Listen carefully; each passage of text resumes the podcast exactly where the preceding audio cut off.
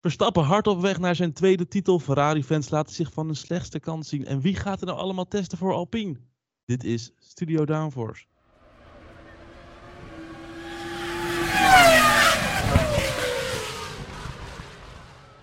Hallo allemaal, wat leuk dat je luistert naar een nieuwe aflevering van Studio Downforce. De 25e aflevering waarin wij gaan terugblikken op de Italiaanse Grand Prix in Monza.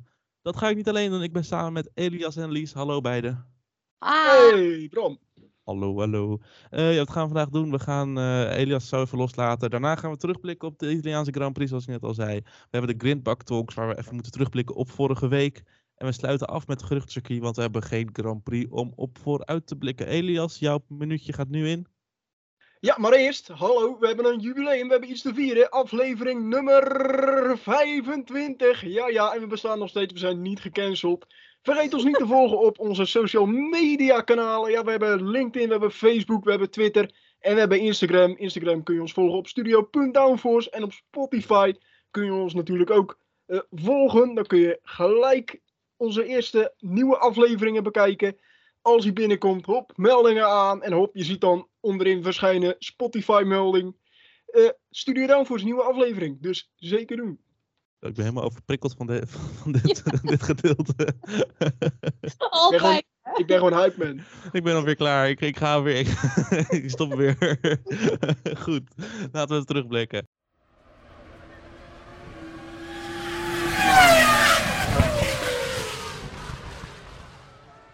Laten we beginnen met de voorspellingen die wij hebben gedaan afgelopen week voor de Italiaanse Grand Prix. Jongens, ik wil iets voorstellen van de voorspellingen. Laten wij dit niet meer in de podcast doen. Goed plan. Ja, echt een heel goed plan. Want we staan elke week weer voor lul. Nou, ik had Albon in mijn top 3 gezet en ja, toen werd het zaterdagochtend. Ja, ja. Dus Ja, ik, wil, nee. ik wil voorstellen dat wij voor onszelf de voorspellingen voor de kwalificatie, of dan eh 24 uur maximaal van tevoren doen. Minimum, nou ja, dus maximaal, mag, als het mag 36 uur van tevoren, maar je moet binnen 24, of ja, jullie snappen wat ik In bedoel. ieder geval op de En hetzelfde, training. of 12 uur kunnen we ook doen, want dan kunnen we racevoorspellingen doen in gedachte dat we de kwalificatie al weten. Goed, dat is een interne discussie. eh, Ja, hier, hier komen we nog wel op terug, maar de interessant punt. Want ze staan Ja. nu Ja. inderdaad. Aan de andere kant denk ik ook wel dat de luisteraars het juist leuk vinden dat we elke week voor lul staan. Ja, maar onze autoriteit gaat erdoor een beetje naar de knoppen. Goed, de kwalificatievoorspellingen. Lies, jij had de derde plek goed. Dat mag... Oh, Lies had de hele Lies kwalificatie had het hele Ja. rijtje goed. Ja, ik zit te hier. kijken, Ik ben eh. niet zo voorstander van dit niet meer eh, in de podcast bespreken. Want, eh, aan mijn ja, we doen democratie, want eh, Elias had Alonso en Norris in de top 3. Eens even kijken, waar staat Alonso? Alonso, Alonso, eh oh, tiende. niet. Hm? Oh, de kwalie weet ik trouwens niet meer waar die stond. Sorry, eh, ga door. Eh, je had in ieder geval Alonso en Norris. Nou, Alonso die was tiende en die had geen zin meer in Q3. Dus Norris zevende en Verstappen tweede, dus dat is wel een puntje. En dan, ik had Verstappen en Leclerc omgedraaid en Perez, nou, vierde. Dat is net niet. Wel op een seconde van zijn teamgenoot in de, in de kwalificatie. Doet hij weer toch weer goed, hè? Dus Dan, mensen, eh, zoals je kan zien bij mijn kwalificatievoorspelling, eh, niet gokken. Gok, slecht. of gok verantwoord. Verslaving, ja. Dan voor de race, ja, we hadden alle- drie Verstappen op één. Ja, die heeft er vijf van op een rij van gemaakt. Dat was in principe een inkoppertje. Dan hadden we hadden Elias en ik Perez op P2. Die stond P6, dus dat is niet goed. Hey. Licia de Russell, ik moet zeggen, knap, want die is derde geworden. Dus dat is goed ingeschat. Dan had ik de Vries op drie. Ja, ik denk dat het voor hem voelde als een derde plek wel minimaal. Misschien wel Ja. een overwinning wat hij allemaal daar deed. Ik denk dat trouwens dat Albon hem wel misschien op het podium had kunnen zetten, maar dat terzijde. En eh Elias, jij had Leclerc op drie en dat is natuurlijk twee. Nou, niet verkeerd. Dan kunnen we gelijk door, wat fijn. Eh Lies, je hebt de race in één minuut volgens mij, hè? Ja, dit wordt weer lachen. Nou, ik ben heel erg benieuwd. Dan eh zal ik aftellen? Ja. Zal ik heel hard doorheen schreeuwen als, als het een minuut voorbij is? Eh, ik, ik pak er een timer bij, wacht even. Oh, dan gaat Elias heel hard doorheen schreeuwen als het een minuut voorbij is. Ja, ik ben ook blij dat eh, het muziekje er niet meer onder zit. Het geeft me al minder stress. Ik kan wel. eh, laat, laat mij maar. eh, Wacht maar eventjes hoor. even kijken hoor. Ja, bijna, bijna. Klaar voor de start. En... Ja, let's go. Bang voor hoeveel tifosi-tranen er gingen vallen, gingen we voor de tweede keer naar Italië om de Red Bull weer naar voren te zien knallen. Bij de start viel een McLaren die zowaar niet Ricciardo was, wat verder terug. En toen Russell de baan na bocht 1 weer opkwam, gaf hij Leclerc een kusje, heel vlug. De rest vond zijn weg terug naar de voorkant van het veld, maar met een vroege stop met een brandende rem vroeg je af of dat wel telt. Ook Sainz moest van achterin komen, net als Hamilton, al was hij wat slomer. Vettel moest zijn Aston Martin weer eens parkeren en met zijn laatste Europese race was dit toch wel een zere. De Vries gaat- houdt, zo, hallo. De Vries haalt in de Williams toch wel makkelijk zijn eerste punten binnen. Dan ga je toch echt wel wat vinden, wat van de prestaties van Latifi vinden. De grootste grap was toch wel het laatste incident, behalve als je Ferrari-fan bent. Want de safety car voor de verkeerde coureur sloot voor Leclerc op Max weer de deur. En zo eindigde deze race gek genoeg onder, zonder verder te racen. En de ghost van Michael Masi behaalde zijn streven. Zo, knap hoor. Dank je. Ja, ik zit wel te twijfelen dat ik volgens mij steeds twee. Volgens mij, ik had niet zo heel veel tijd dat ik echt twee races door elkaar gehaald heb. Maar dat hebben jullie vast niet gehoord. Nou ja, je deed eh, er 1 minuut en 10 seconden over, dus eh, prima Oh. gedaan. En, Dus eh, heb je niet ingegrepen? Dat was een minuut, hadden we afgesproken. Een minuut! ah, joh, ik dacht ze kan even mooi afronden, joh. Eh. ja, zeker Nice. waar. Goed, laten we beginnen met de rode, met de Tifosi en Ferrari. Ja, eh, we gaan het zo hebben over. Nee, we gaan het helemaal. We gaan het er nu gewoon over hebben. Dat bepaal ik nu. Wat zijn de Tifosi toch ook kutfans? Net zoals die Nederlandse fans. Wat hebben we eigenlijk kutfans in Formule 1? Ja, het, het lag niet meer aan, eh, aan eh, het wangedrag ligt niet alleen aan de Nederlandse nationaliteit, zeg maar. Nee, maar of het nou de Nederlandse nationaliteit beter maakt. Of de, of de Italiaan op het niveau van de Nederlanders brengt, dat weet ik nou nog niet. Nee, nou ja, het, eh, het was wel weer, eh, dat er weer flinke uh, boegel op was het. Mensen die lastiggevallen werden weer op het circuit. Eh, er, er, zijn, er zijn zelfs nog geruchten geweest over dat er iets naar auto's gegooid is, maar daar heb ik geen bewijs van kunnen vinden. Dus ja, het, ja hier hebben we, we hebben het hier natuurlijk al uitgebreid over gehad, maar eh, ja, het was Nou, wel we, weer we een het sfeertje hoor. gehad- we hebben het over gehad in de context van, oh, dat zijn Nederlandse fans. Dat is nu echt niet Ja. zo. Dus Detective Lies gaat nog even op zoek. Ja, die gaat dan de bijspijken naar het Italiaans. En dan Ja. over een week weten we meer. Ja, nou ja, ik spreek nog steeds geen Italiaans. eh, Dat was jouw plan, toch? Ja, maar de- dat mo- volgend jaar had ik gezegd, toch? Oh ja, ik ben juist wel begonnen met Italiaans leren. Echt? Ja, ik zit gewoon op Duolingo richting de 60 dagen hoor. Oh, echt? Zie. Dan moet, dan moet ik. dan moet ik ook even. Ja, Ja. nee, maar de, het, was, het, het was, gewoon, eh, was gewoon zielig.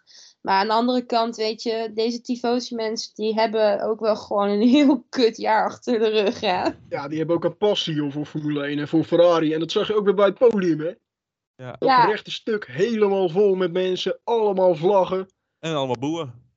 Ja, Ja. Dat, aan de ene kant snap ik dat ook wel. Aan de andere kant denk ik ook van jongens, we hebben juist zeker naar Abu Dhabi met elkaar besloten. We moeten eerst zorgen dat alles eh, veilig is voor alles en iedereen. En op het moment dat de safety car, maar goed, daar gaan we het zo meteen nog wel over Ja, hebben. dat gaan we zo in de over. Grindbak Talks. Maar ja, die safety car die moet gewoon eerst weg. Ja, laten we het nog En- heel veel hebben. Ja, ja. over de, want het is dit safety car, dat heb ik nog zelf ook nog wel als mijn pisje die ik overheen moet gooien. maar laten we nog heel veel. eh, Ik wil ook nog even een voorstel doen aan Ferrari. Wordt elke week een minion. Elke race een minion. En die weet niet dat je strategie op orde is. Ja, nou ja, het, eh, het heeft wel geholpen in dat opzicht. Want het ging wel iets beter. Maar aan de andere kant denk ik ook van ze namen wel een risico met die VSC om, op dat moment te gaan stoppen. Ja, dat is, eh, oh, ik ben al blij dat ze risico nemen. En dat het, en het leek er namelijk heel lang op dat het zou werken. Dat is wel op een gegeven moment dacht, dacht iedereen echt van, oh, Ferrari heeft nu iets meesterlijks gedaan. Totdat eh, ze erachter kwamen, oeh, die banden houden het misschien toch niet. Nou, ik vond het wel opvallend inderdaad dat ze, dat ze die strategie eh, eh, volgden. En het leek erop inderdaad, nou ja, Leclerc aan het eind van de race op betere banden, op de softs. Die zou toch le- Verstappen toch redelijk eh, goed bij moeten kunnen houden. Maar dat was echt niet, eh, niet, niet het geval. Want hij kwam er echt niet heel hard naartoe, eh, naartoe rijden of zo. Ja. Ja, dat ik- vond ik echt nog meevallen.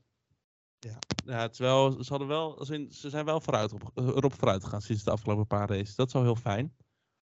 Niet te vroeg Eh, juichen. Hm? Niet te vroeg juichen. Het is Nee, een beetje te laat je. Een, een keertje mogen we even een schouderklopje geven. We hebben nu eh, Singapore en Duitsland strategie weer heel belangrijk zijn. Dus dan zien we of ze dat daadwerkelijk geleerd hebben. Ja, maar eh, strategie is inderdaad daar heel belangrijk. Eh, Ferrari en strategie dit seizoen geen gelukkige combinatie.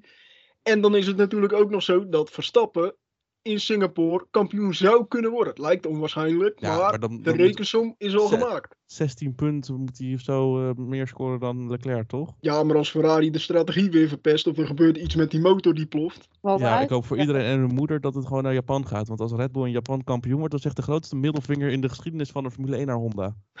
ja, ik hoop het oh, wel. ja. Ja, dat is toch zo? Als ze Ja, daar kampioen worden en. Honda heeft gezegd, nee, sorry jongens, daar ga je niet mee door. Je ziet er geen toekomst in. Ja, die, oké, ja, die vind ik ook wel leuk. Dat, ja, is een, Ja, dat toch? zou wel dan, echt hoop ik mooi dat, dan heb ik nog liever dat Max uitvalt. Maar wacht eens even, gingen we niet... eh, Oh nee, dus Sing- Singapore zit er inderdaad nog tussen. Ja, niks gezegd. Goed, dan een coureur die misschien ook in Singapore zijn opwachting mag gaan maken, afhankelijk van hoe snel Alexander Albon herstelt. Dat is Nick de Vries. Ja, Wat want een die weekend stond, heeft hij. die stond opeens op de startgrid. Ja, nou, die, die heeft gewoon eh, ook wel, ik bedoel, geeft aan dat hij de connecties heeft. Die heeft in één weekend voor twee Formule 1 teams geraced. Ja, Ja, hij was- dat vertelde hij ook. Hè. Was daar op de paddock, was hij gewoon, hij zat een bakje koffie te drinken. En toen kreeg hij een belletje van, joh, over anderhalf uur moet je rijden, succes. kom nu naar beneden. Oké. Ja, ja, dat is een bakje koffie. Ja. Ik, ik, eh, respect hoor voor die vent. eh. Ja, Ik ben altijd een beetje sceptisch geweest over, over de Vries. eh. En over bijna alle andere coureurs die alleen nog maar dromen over Formule 1. Ehm, nou ja, ja, wel. Ik ben wel sceptisch. Ik ben nog steeds een beetje sceptisch over de Vries. Maar ik moet eh, heel eerlijk toegeven dat eh, hij heeft echt een meer dan nette prestatie neergezet. Ehm, ook als je het natuurlijk weer vergelijkt met een Latifi. Nou ja, maar dat Eh. mag ook wel. Maar het is inderdaad opvallend wat je zegt. Want het is zeker met de korte voorbereidingstijd die je dan hebt als invaller. Dan zou je toch zeggen van dan is het al knap als hij dicht bij de, de vaste coureur eh, eindigt in de kwalificatie en de race. Maar hij versloeg hem gewoon in beide keren. Ja, maar het is eigenlijk gewoon, eh, en dat zeg ik ook in vergelijking met Latifi, eigenlijk moeten we ook gewoon niet meer gaan vergelijken met Latifi. Want in vergelijking met Latifi zou ik ook beter zijn. Ja, maar even, even, Latifi staat nu dankzij de punten van Nick de Vries 21ste. 21ste in Maar een kampioenschap met 20 coureurs. Maar mag ik even, Lies... Ik snap dat je het zegt, dat je, dat je waarschijnlijk beter bent dan Latifi, maar laten we even bij de realiteit blijven. Ja, nee, ik, ik, ik hoef ook geen haatmail te ontvangen of zo verder. Eh, hebben jullie tijdens het racecafé afgelopen weekend de echte diehard Latifi-fans gezien? Zijn die er? Ja, ja, ja dus! Die zijn er! Er zijn er drie in Nederland. Latifi speciale. Echt waar. Echt waar. De Latifi fanclub. Ze bestaan. Ik wil even een shout-out doen naar de, naar de drie gasten. Geen idee meer hoe ze heten, maar eh, dat is me bijgebleven. In ieder geval. Goed, we moeten door. Ja. Ehm ja, eh, grindstraf chaos. Dit mag heel kort, want die hebben we volgens mij vorige week ook over gehad. Er moet gewoon een oplossing komen. En ik denk dat de oplossing inhoudt, tenminste als dit aan mij ligt, dat de coureur niet gestraft wordt. Nou, wat ik vooral opvallend vond, is dat je, je hebt die kwalificatie gehad. En ik zat dus eh, achter de schermen bij Ziggo Sport, want ik loop nu stage bij Southfields, het televisieproductiebedrijf achter eh, Ziggo Sport. Ik zat achter de, de schermen bij de regie eh, mee te kijken naar die uitzending. En ja, wij hebben ook een, eh, een startgrid laten zien op die zaterdag na de kwalificatie. Maar er klopte uiteindelijk helemaal niks van. En je bent dan gewoon aan het wachten tot de FIA met nieuws komt natuurlijk naar buiten. Van Oh, joh, dit is de startgrid. Ja, maar dat en- duurde nog uren. En toch was hoe het uiteindelijk gedaan is de meest logische manier. Nou ja, ik, ik vind het wel opvallend dat wij dan als, als mensen zeg maar van buitenaf nog niet weten hoe het er precies uitziet. En wij komen dan, oh, Verstappen staat vierde en eh, ik, ik weet maar niet is wie er ook allemaal gewoon de hoe, hoe dat Nederlandse nou hoop dat hij dan vierde sta staat? Nou ja, ik, ik vind het vooral opvallend dat je die, eh, dat, dat je die verwarring kan hebben. Er moet toch gewoon Ja. duidelijkheid zijn van joh, zo zit het in Ik denk elkaar dat met de gridstraffen. Ook een beetje is dat er gewoon de media wil altijd de snelste zijn, dus dan doen we maar wat en dan zien we wel later of het goed is. Want in principe hoeven wij pas op zondag kwart voor drie te weten hoe, waar wie iedereen staat op de startgrid. Ik vond het wel leuk. Gasly die, Gasly die tweette zo van, eh, jongens, kan iemand mij vertellen op welke, welke plek En, ik en twee minuten later kwam de VIA met de grid, hè? Dat was echt direct na elkaar. Ja, snel geregeld. Goed Jongens, het grootste probleem is eigenlijk gewoon dus dat ze dus eerder bekend moeten maken.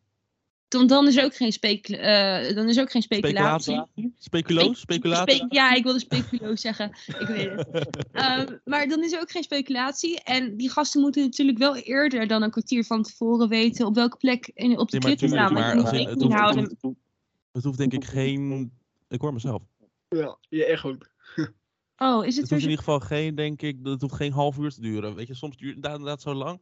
Maar met zoveel gridstraffen snap ik dat de FIA het wel gewoon goed op orde wil hebben.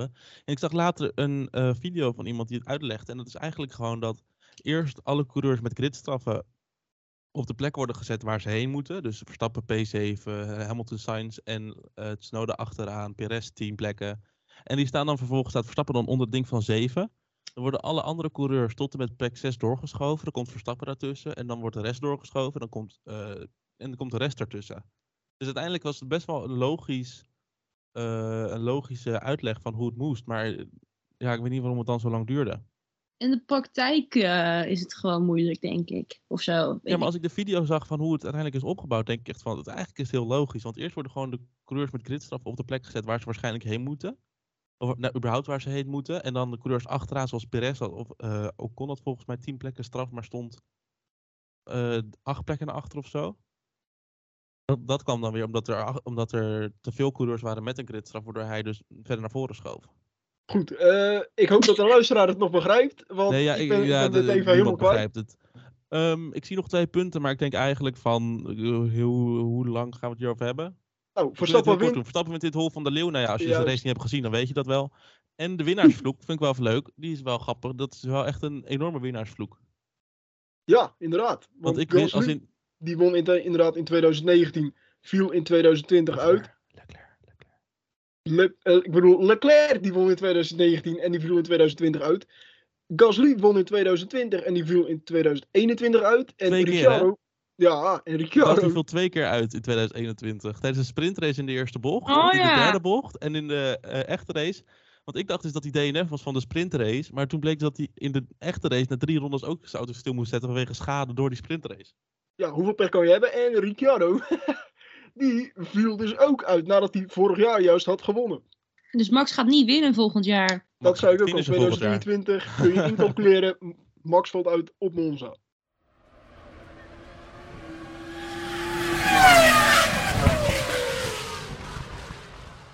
De Quidback Talks. Dat Ja, was we wel een beetje een kan niet te hard doen nu, want anders maak ik echt de hele uithof wakker hier. Goed, de, eerste stelling, en dat is een stelling die ik vorige week al zei van jongens, je moet het volgende week weer over hebben. Oké. Deze stelling is natuurlijk belachelijk uit het papier. Mag ik dat even gezegd hebben? Ja, dat mag je zeggen. Red Bull tegen Ferrari is Red Bull tegen Mercedes geworden. Nou, kom maar op. Ik durf. Jullie blijven allemaal echt gewoon heel strategisch stil. Vorige week zeiden jullie nog, ja, eens, het is echt Mercedes, dat is nu echt de tweede auto. Ferrari verneukt alles. Maar nee, nu is het gewoon weer Mercedes ergens op- achterin onderaan. Nou ja, ik vond het wel opvallend, want inderdaad, ik ben, ik ben het eh, oneens met de stelling nu. En je, je, hebt, je hebt gelijk gekregen, Bram, dat klopt. Maar ik vind het opvallend, want Ferrari, zeker als je tot nu toe naar het seizoen kijkt, was beter in de bochten dan Red Bull. Daar kunnen we het over eens zijn. Dan zou je denken, Monza, low downforce circuit.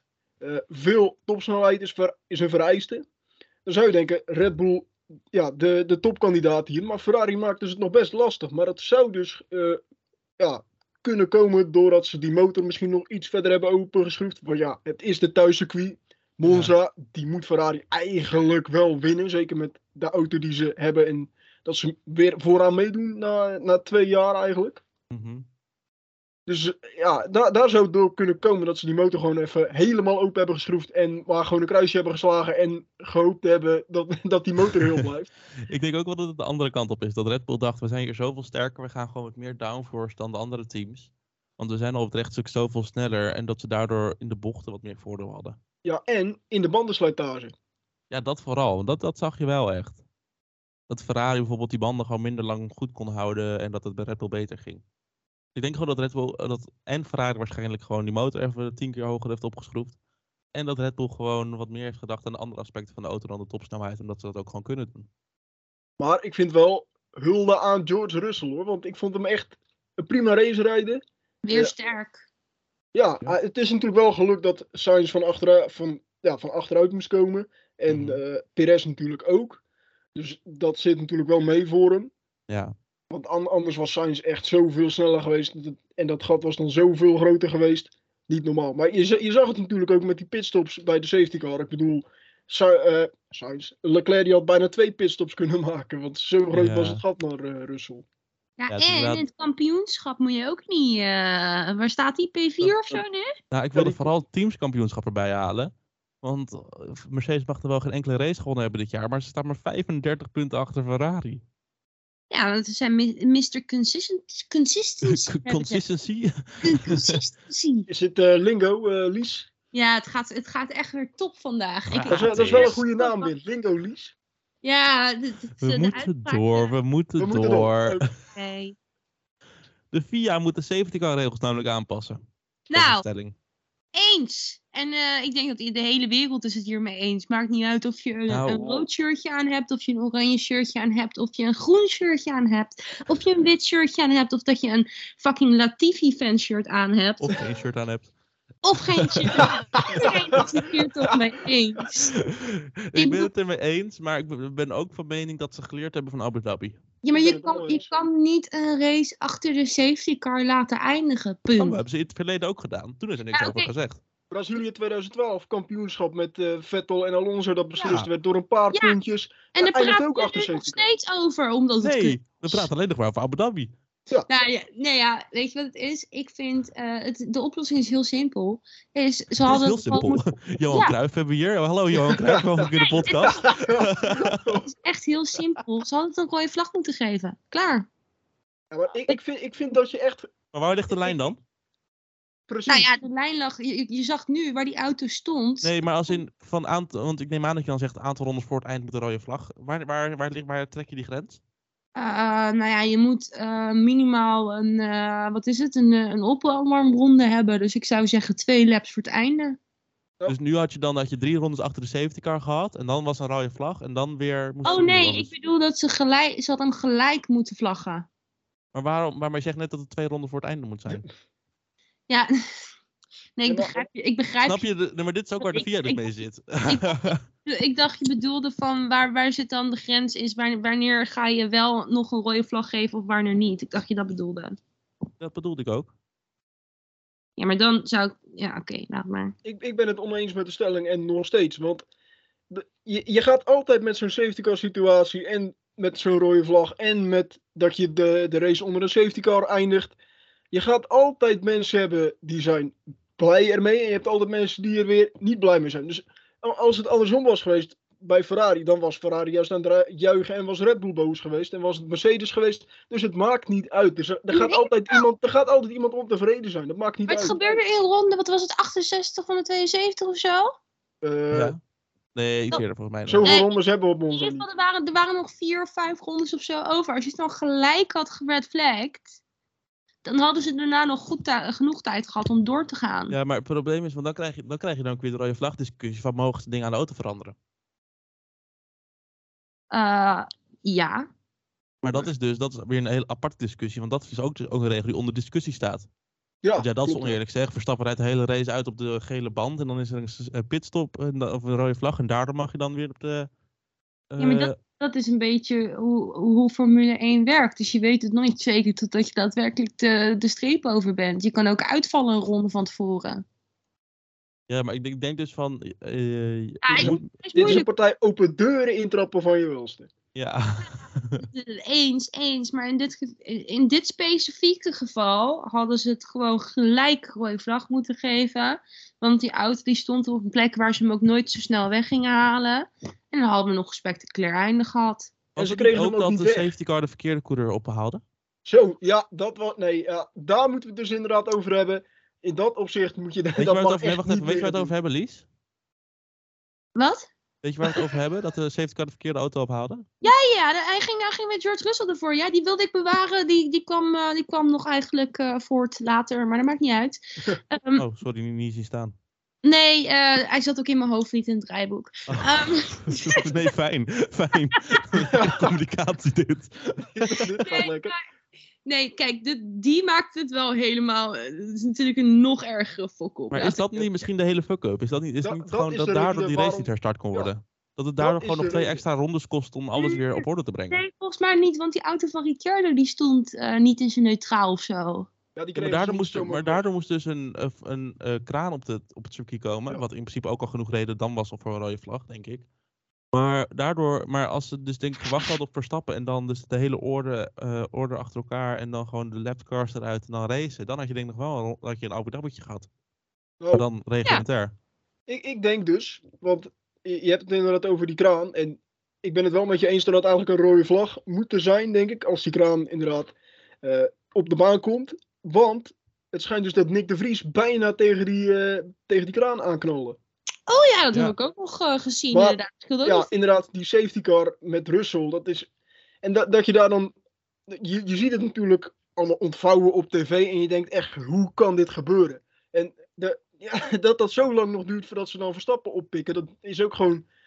Ja, ik denk dat de, de FIA met het eh, schaamrood op de kaken vertrokken is eh, uit Italië. En ja, het, het is gewoon bizar dat je de, de verkeerde coureur oppikt. Ja, en ik denk inderdaad wat jij zegt, Bram, dat ze gewoon hadden kunnen racen nog. Ik denk, ik denk dat je echt gewoon veel sneller. Ik denk dat het twee of drie rondjes heeft gekost. Ja.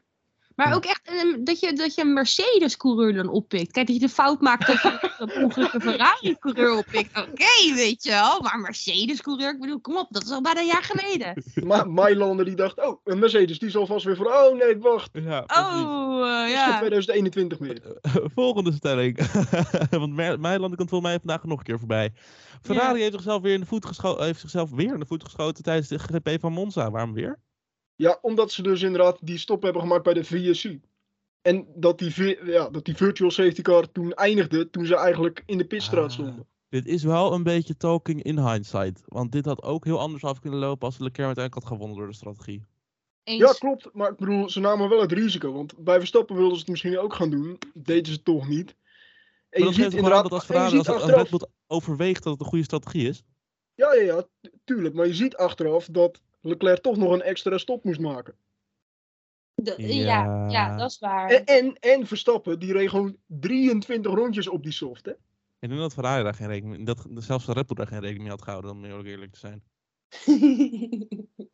Als Toch in, vind ik denk het dat wel- als Ferrari, als Ferrari de strategie van. eh, als, ik denk als. De, wacht, ik moet goed zeggen. Als Red Bull de strategie had gedaan die ze verwacht hadden. Dat de zet van Ferrari heel goed was geweest. Want in principe zet je, ben je wel in de aanval met de strategie van vroeg stoppen onder een safety car. Want dan zit je gewoon in de window van iemand anders. Ja, dus die ja, gedachte klopt. is al heel goed. klopt. Het enige Alleen, is inderdaad dat die banden minder lang uithouden. En dat het daardoor een beetje nu zit als, als de kut, als- alsof het een kutcall was. ja, on- Ja. onder de Ferrari hielden die banden het niet. Maar Ja. onder de Red Bull dus wel. En ik denk dat Ferrari dat niet had verwacht. Want volgens mij had Pirelli ook gezegd van nou, de bandenslijtage zal redelijk hoog zijn dit weekend in Monza. Nou, eh, bij Ferrari wel, bij Red Bull. Bij alle teams wel, Red Bull niet. ja. Oeps. Goed, dan de laatste stelling. Eh, Dat, eh, ja, kan, kan, je, kan je hier eventueel wel op aansluiten. Want heel veel zeiden van tevoren, deze jongen kan niet met zijn banden omgaan. Nick de Vries hoort thuis in de Formule 1. Eens. Eens. Oneens. Nou, het De aan de ene kant vind ik het al heel leuk dat er twee Nederlanders in de Formule 1 zijn. True. En dat, een, dat je Oh. bij Williams zit en in je debuutrace twee punten pakt. Ja, dat is toch best wel, dat is toch best wel goed. Dat heeft, Dat is echt een knappe prestatie, vind ik. nee, dat heeft de, de- Ja. geen idee wie dat voor het laatst heeft gedaan. Nee, het is een knappe prestatie, maar eh, ik, ik, ik denk dat hij op, op de huidige tijdperk waar we nu in zitten, hoort hij niet thuis in de Formule 1 meer. Nou, ik, ik vind het opvallend, want, eh, en ik vind het knap, die prestatie van hem, want hij zat echt in het gevecht, midden in het gevecht, en dat had gewoon fout kunnen gaan. Het had fout kunnen gaan bij de start, het had fout kunnen gaan in het gevecht, als hij te gretig was geweest in het duel met Gasly en Ricciardo en Nee, Joe achter hem. Dus ik vind het echt knap dat hij die auto gewoon ja, thuis heeft gebracht en gewoon nog in de punt heeft gereden ook. En er had gewoon meer in kunnen, ze- eh, kunnen zitten. Want ze zaten gewoon een beetje vast achter Ricciardo natuurlijk in die DRS-trein. Overigens, die trein reed wel. De rest van de treinen niet. Jeetje, wat flauwe. Ja, ja, ja. ja. Ja, maar nee, wel ik, eh, ben, ik, ben, ik denk dat er heel veel jonge coureurs zijn eh, die nog harder kunnen rijden. Maar wat hij gedaan heeft afgelopen weekend was een topprestatie. Eens. Maar oneens met de stelling. Oh, Oh, oké. Oké. Heb je ook Latifi trouwens nog gehoord? Ja, maar Latifi, die zei- was ik het soort. Ja, die zegt van eh, deze zei- auto is niet gemaakt om in te halen. Nou, dat, dat vind ik. En dat, hij is gewoon een beetje zuur, want hij zei ook. Deze auto, daarmee hoor je in de top 10 te finishen over de prestatie van de Vries. Eh, ja, leuk Nicolas, maar je bent zelf eh, niet in de top 10 gefinished. Dus, eh, en hij zei ook van, ja, ik raakte zes, zes posities eh, kwijt bij de start. Nou, dat waren er één nog twee, dus dat viel ook wel mee. Ja. Dus hij is gewoon een beetje zuur en volgens mij voelt hij ook wel een beetje nattigheid eh, aankomen dat hij zijn, eh, dat hij zijn stoeltje kwijtraakt. Ja, Mag toch hopen wel, van wel eindelijk. Ja, Eindelijk. hey, ik heb even een trivia vraagje. Wie was Oh. de laatste Williams-coureur die punten scoorde bij zijn eerste race? Oeh. Hmm. Bottas? Ik Niet bij denk. zijn eerste race voor het team, maar überhaupt zijn eerste race in de Formule 1. Oh. Oeh. Ehm, was het Hulkenberg? Hulkenberg deed dat. eh, even kijken of hij überhaupt ook zijn eerste punt scoorde op zijn debuut. Die scoorde niet zijn eerste punt op bij zijn debuutrace. Dan is het denk ik Rosberg. Dan is dat inderdaad Rosberg. Yes! Oh, sick. Ja, in 2006 in Bahrein. Oh, dat is al Ja. een tijd geleden dan. Ja, klopt. En daarvoor was het Jack Villeneuve in 1996. Ja. Ja, daar ben je wel even stil van. Oftewel, Nick de Vries wordt de wereldkampioen, want dat zijn die andere twee ook geweest. Hoeveel geld wil je daarop inzetten? ja, nee, leuk. Ik, hou, ik hou mijn gat op zak, dankjewel. Goed, en dan mag Lies nu even lekker losgaan in het geruchtencircuit.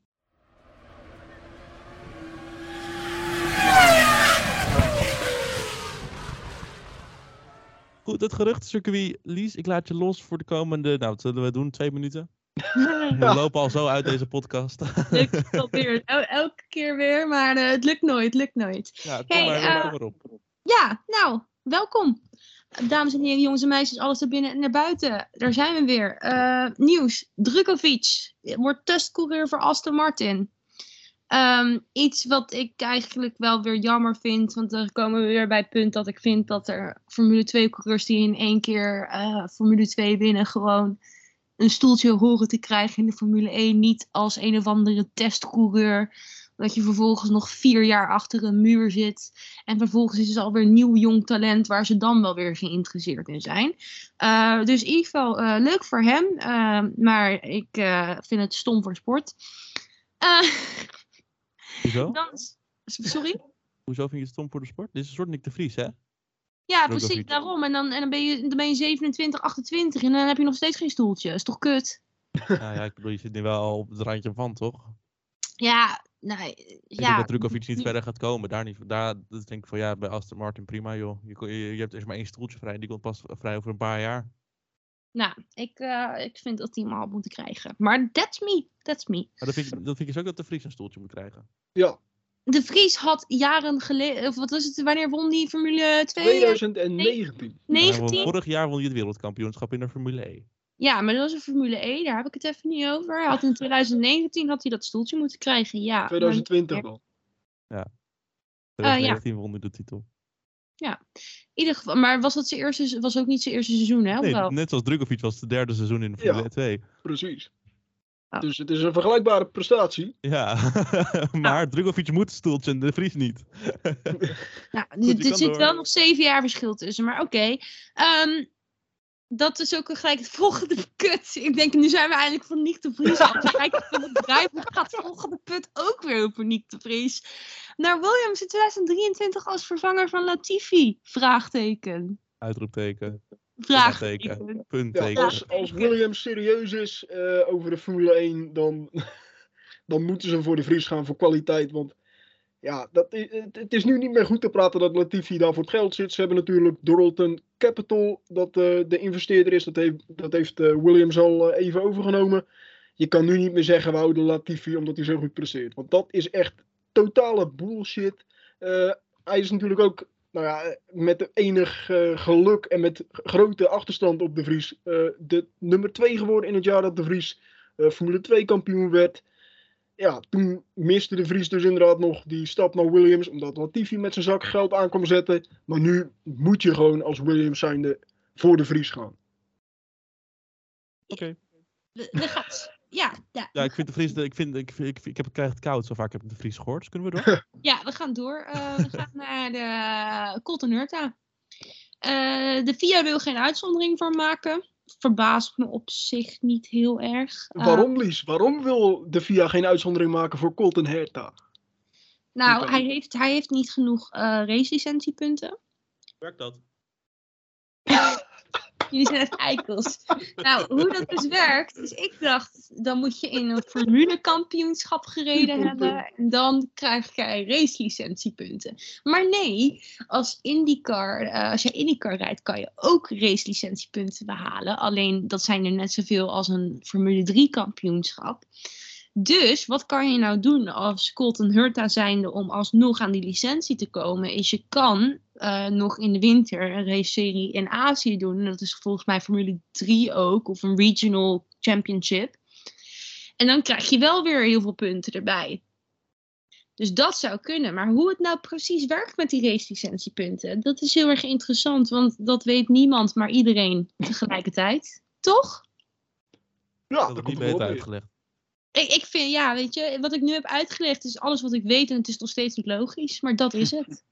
Nou ja, wat, wat ik nog wel even toe wil voegen is dat Red Bull eh, nu probeert om, eh, om alsnog eh, die punten bij elkaar te sprokkelen, eigenlijk als het ware.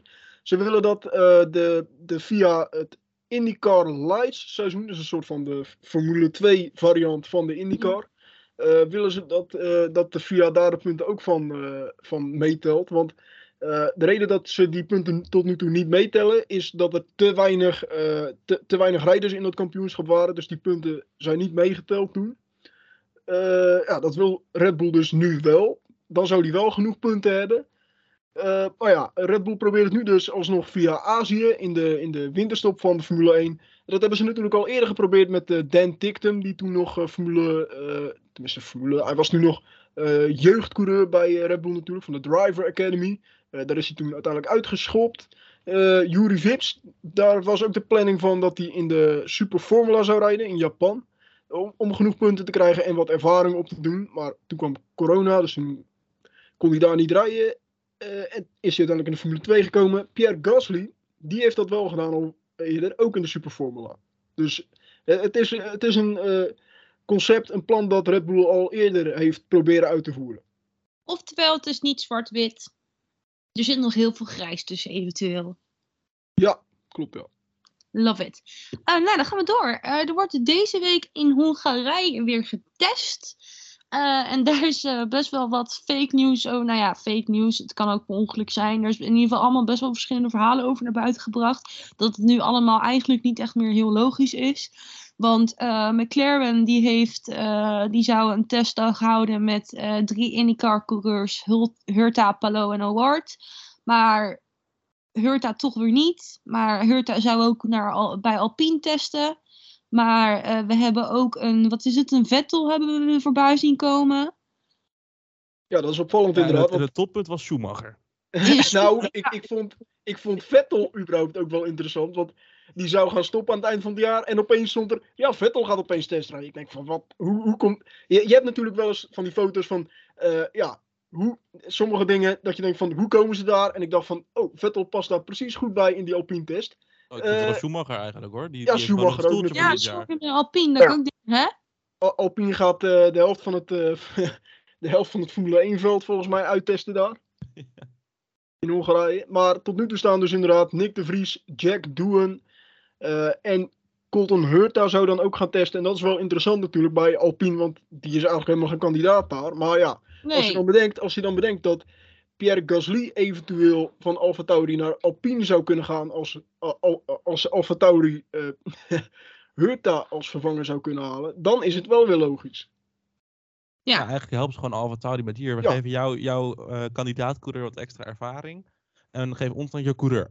Precies, ja, precies. Dat is een beetje die meme van eh, ja, precies. ik geef jou tijd. You get test, I get your driver. Ja, nou ja, die, we, we gaan het allemaal, we gaan het allemaal zien, En- maar ik begreep er helemaal niks meer van op een gegeven moment. de, de, En toen, toen kwam ook nog Hulkenberg voorbij. nee, dat is iets anders. Maar, Ja, maar eh, daar wil ik naartoe. Of wil je nog, wil je nog iets toevoegen? ik wil nog één ding toevoegen. Dat het allemaal komt omdat eh, McLaren Oscar Piastri heeft getekend. En al deze testmomenten waren voor Piastri oorspronkelijk. Ja, Dit is gewoon allemaal omdat Piastri weggaat bij Alpine. Gewoon één domino steentje, gewoon bam, chaos, overal. ja. En dat, uiteindelijk komt het allemaal terug op dat Vettel stopt in de Formule 1. we hebben echt als je al die domino steentjes achter elkaar zet, is het gewoon Vettel en daarna één tikje op. Ja, en dan kun je nog verder terug dat hij, dat, dat hij het niet naar zijn zin had bij Ferrari. En dat dat Ja. gewoon het begin is. En dat we daardoor nu Schumacher hebben die gaat testen voor Alpine, terwijl hij contract heeft met Haas. Nou, Ja. wat een tijdlijn, hè? Ja, eh, wel een wereldleven toch in, hè? Ja, wel opvallend natuurlijk dat de Vries eh, toch, eh, toch een kans krijgt bij Alpine. En dat hij dan misschien twee, ja, twee plekjes heeft waar hij eh, kandidaat is. Bij Nee, maar Alpine twee en F1-teams Williams. in een weekend, dat is niet, niks nieuws voor de Vries ondertussen. Nee, precies. Maar Hulkenberg, Lies, Hulk. Ja, Hulkenberg. Die gaat naar Haas. Ben je daar wel tevreden over, de ene Duitser voor de andere? Magnussen zou zelfs al toestemming hebben gegeven, hè? Of in ieder geval Eh, zijn zegen gegeven aan de, aan de komst van Stuk My Balls, Honey. Ah, En ik, eh, ik, ik, ik dacht ook heel even dat hij eh, ergens anders toestemming voor had gegeven. ja, ik, ik moest ook even nadenken. Maar, maar, maar, maar waar, gaat, waar gaat onze mik naartoe dan? Alpine. Dat zou best kunnen. Of, dan- of dan- de reserve dan is die coureur, test hè? wel Ik bedoel, eh, ik zie Mick ook wel gewoon verdwijnen uit de Formule 1, helaas. Ja? Dat het nu al gaat gebeuren? Sick. Ja. Ja. Hulkenberg, dat is dus volgens de nieuwste geruchten, eh, zou Hulkenberg nu eh, getekend hebben bij, of niet, getekend, niet nog getekend, maar in ieder geval kandidaat, zijn voor Ja. Haas. vind ik Nou, heel maar ik- ik- fantastisch. Maar Steiner die zei ook van, ja, eh, leuk, Hulkenberg is inderdaad kandidaat, maar ja, dat is iedereen met een racelicentie die eh, een beetje ervaring heeft in de Formule 1. Dus, Klopt. ja, dus het is ook wel weer een beetje, het is toch wel, Hulk komt vaak naar voren hoor. ja dat klopt, ook bij Alpine werd hij weer genoemd, maar het lijkt me een beetje ver gezocht dat Hulkenberg daar zelf ook voor open staat, want hij is daar natuurlijk ook wel een beetje genaaid en eh, Ja, een beetje uit de deur weggeschopt. Ja, ja, ja, ja, ja. weet je wat het is? Ik durf het gewoon niet meer. Ik, ik, Er, te veel. Je, je, bent, je bent te vaak teleurgesteld om nu weer de hoop te Daarom. krijgen. Ja, ja. Ik ga, Ja. ik ga hier nog niet eh, enthousiast over zijn. Laten we maar Maar gewoon nou, doorgaan? je, je zegt, je, ik ga er nog niet enthousiast over zijn, maar je staat hier te springen van Hulk, Hulk, Hulk in de Formule 1, yes, yes, Ik kan yes. niet wachten op Haas merch met Zak My Balls. Ga ik wel kopen. Maar laten we doorgaan. Afsluiten met de duimtrofee alsjeblieft. Nou, easy. Kom maar op. Burnt Mylander. Als we het zo gaan doen. Ja, easy. Die krijgt hem. Hij heeft hem al vaker gekregen op goede momenten. Maar eh, dit keer krijgt hij hem. eh, dat hij een fuck-up heeft gedaan. Elias? Ja, voor mij is het toch wel echt Nicolas Latifi. Hij is een keer geen laatste geworden. Kevin Magnussen werd de laatste in de, eh, in de race van Monza. En zijn eh, tijdelijke teamgenoot eh, Nick de Vries, die versloeg hem. Eh, en pakte punten, waardoor hij nu dus inderdaad, zoals ik al eerder zei, 21ste is in een kampioenschap van 20 vaste rijders. Mag ik ook sowieso wel even zeggen dat. Schumacher de laatste tijd veel beter eh, presteert dan Magnussen? Nu je zegt dat hij laatste staat, denk ik van, goh. Eh, daar, daar ben ik het niet helemaal mee eens, want Sinds Ik bedoel, Frankrijk, ah, sinds laatste Frankrijk heeft, paar races wel hoor. sinds Ja, Frankrijk maar- heeft ja, maar Magnussen Schumacher maar één ook keer... gewoon... Sinds Frankrijk heeft Magnussen maar één keer... Oh, dat is niet waar. Zelfs sinds Oostenrijk. Eh, Groot-Brittannië zat Schumacher er ook voor. Ja. Eh, even kijken. Canada, Canada Ja. was... Dus je had in, Ne- in België zat eh eh, Magnussen ervoor. En eh, daarna in Canada. Ja, maar ik wil nog wel even gezegd hebben, eh, Schumacher die zat ook nog in de buurt van Latifi. Die haalde hem ook in ronde 42 in, denk ik. Dus die had ook niet zo'n hele goede, goede race. Eh, ja, wel boven Magnussen geëindigd, maar ook niet eens in de buurt van de punten. Dus Nou, ik, nee, hallo, hallo, hallo. Schumacher die werd geneukt door de safety car. Die had gewoon verse banden en was op weg naar... Sorry hoor, Volgens mij we- volgens mij werd iedereen- werd iedereen genaaid door de safety car. ja, maar Maar Schumacher ja, was op verse banden zat hij op, was hij op jacht naar punten. En dan zat een treintje daar. Door de Vries. Dus ik vind niet waar dat het slechte strategie was, sorry. Maar goed, ehm, jij eh, nomineert Nicolas Latifi. Ja. Ik nomineer de versnellingsbak van Daniel Ricciardo. ja, als we dan toch geen F1-coureurs doen, net als Bert Mailander, dan doe ik ook gewoon de versnellingsbak van Daniel Maar Ricciardo. Mylander heeft hem volgens mij al een keer de duimtrofee gewonnen zelfs bij ons. Oh, dat zou heel goed kunnen. Dat onderdeel heel van een goed auto een keer gewonnen heeft. Maar ik vind Ja. het wel opvallend. Ik, ik vind het inderdaad een goede keuze voor jou, Bram. Dat je de Ja, versnellingsbak toch? van Ricciardo zegt. Maar ja, het was ook wel weer een beetje schrijnend dat Ricciardo als eh, rijdende wegblokkade werd, eh, werd gebruikt om eh, Norris voor dat hele treintje te krijgen. Ja, maar Dat daarom, mislukte ook nog. die vent krijgt nu ook geen kans meer om zichzelf eventueel te laten zien voor andere teams. Want die gebruiken ze inderdaad. Ja, die gebruiken ze nu gewoon als tactiek. Weet je, dat zag je vorige wedstrijd toch ook al dat ze hem vijf keer naar binnen lieten gaan. Ja, dan zitten we misschien wel te kijken naar de afscheidstournee van Daniel Ricciardo. Daar ben ik wel een beetje bang voor hoor.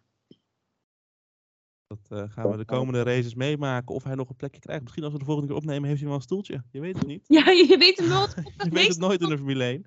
meestal als we de podcast plaatsen, dan, eh, dan is de dag ernaast al aangekondigd. Misschien een stoeltje op de reservebank bij Mercedes. Dat zou zomaar kunnen. Wie weet, wie weet, wie weet.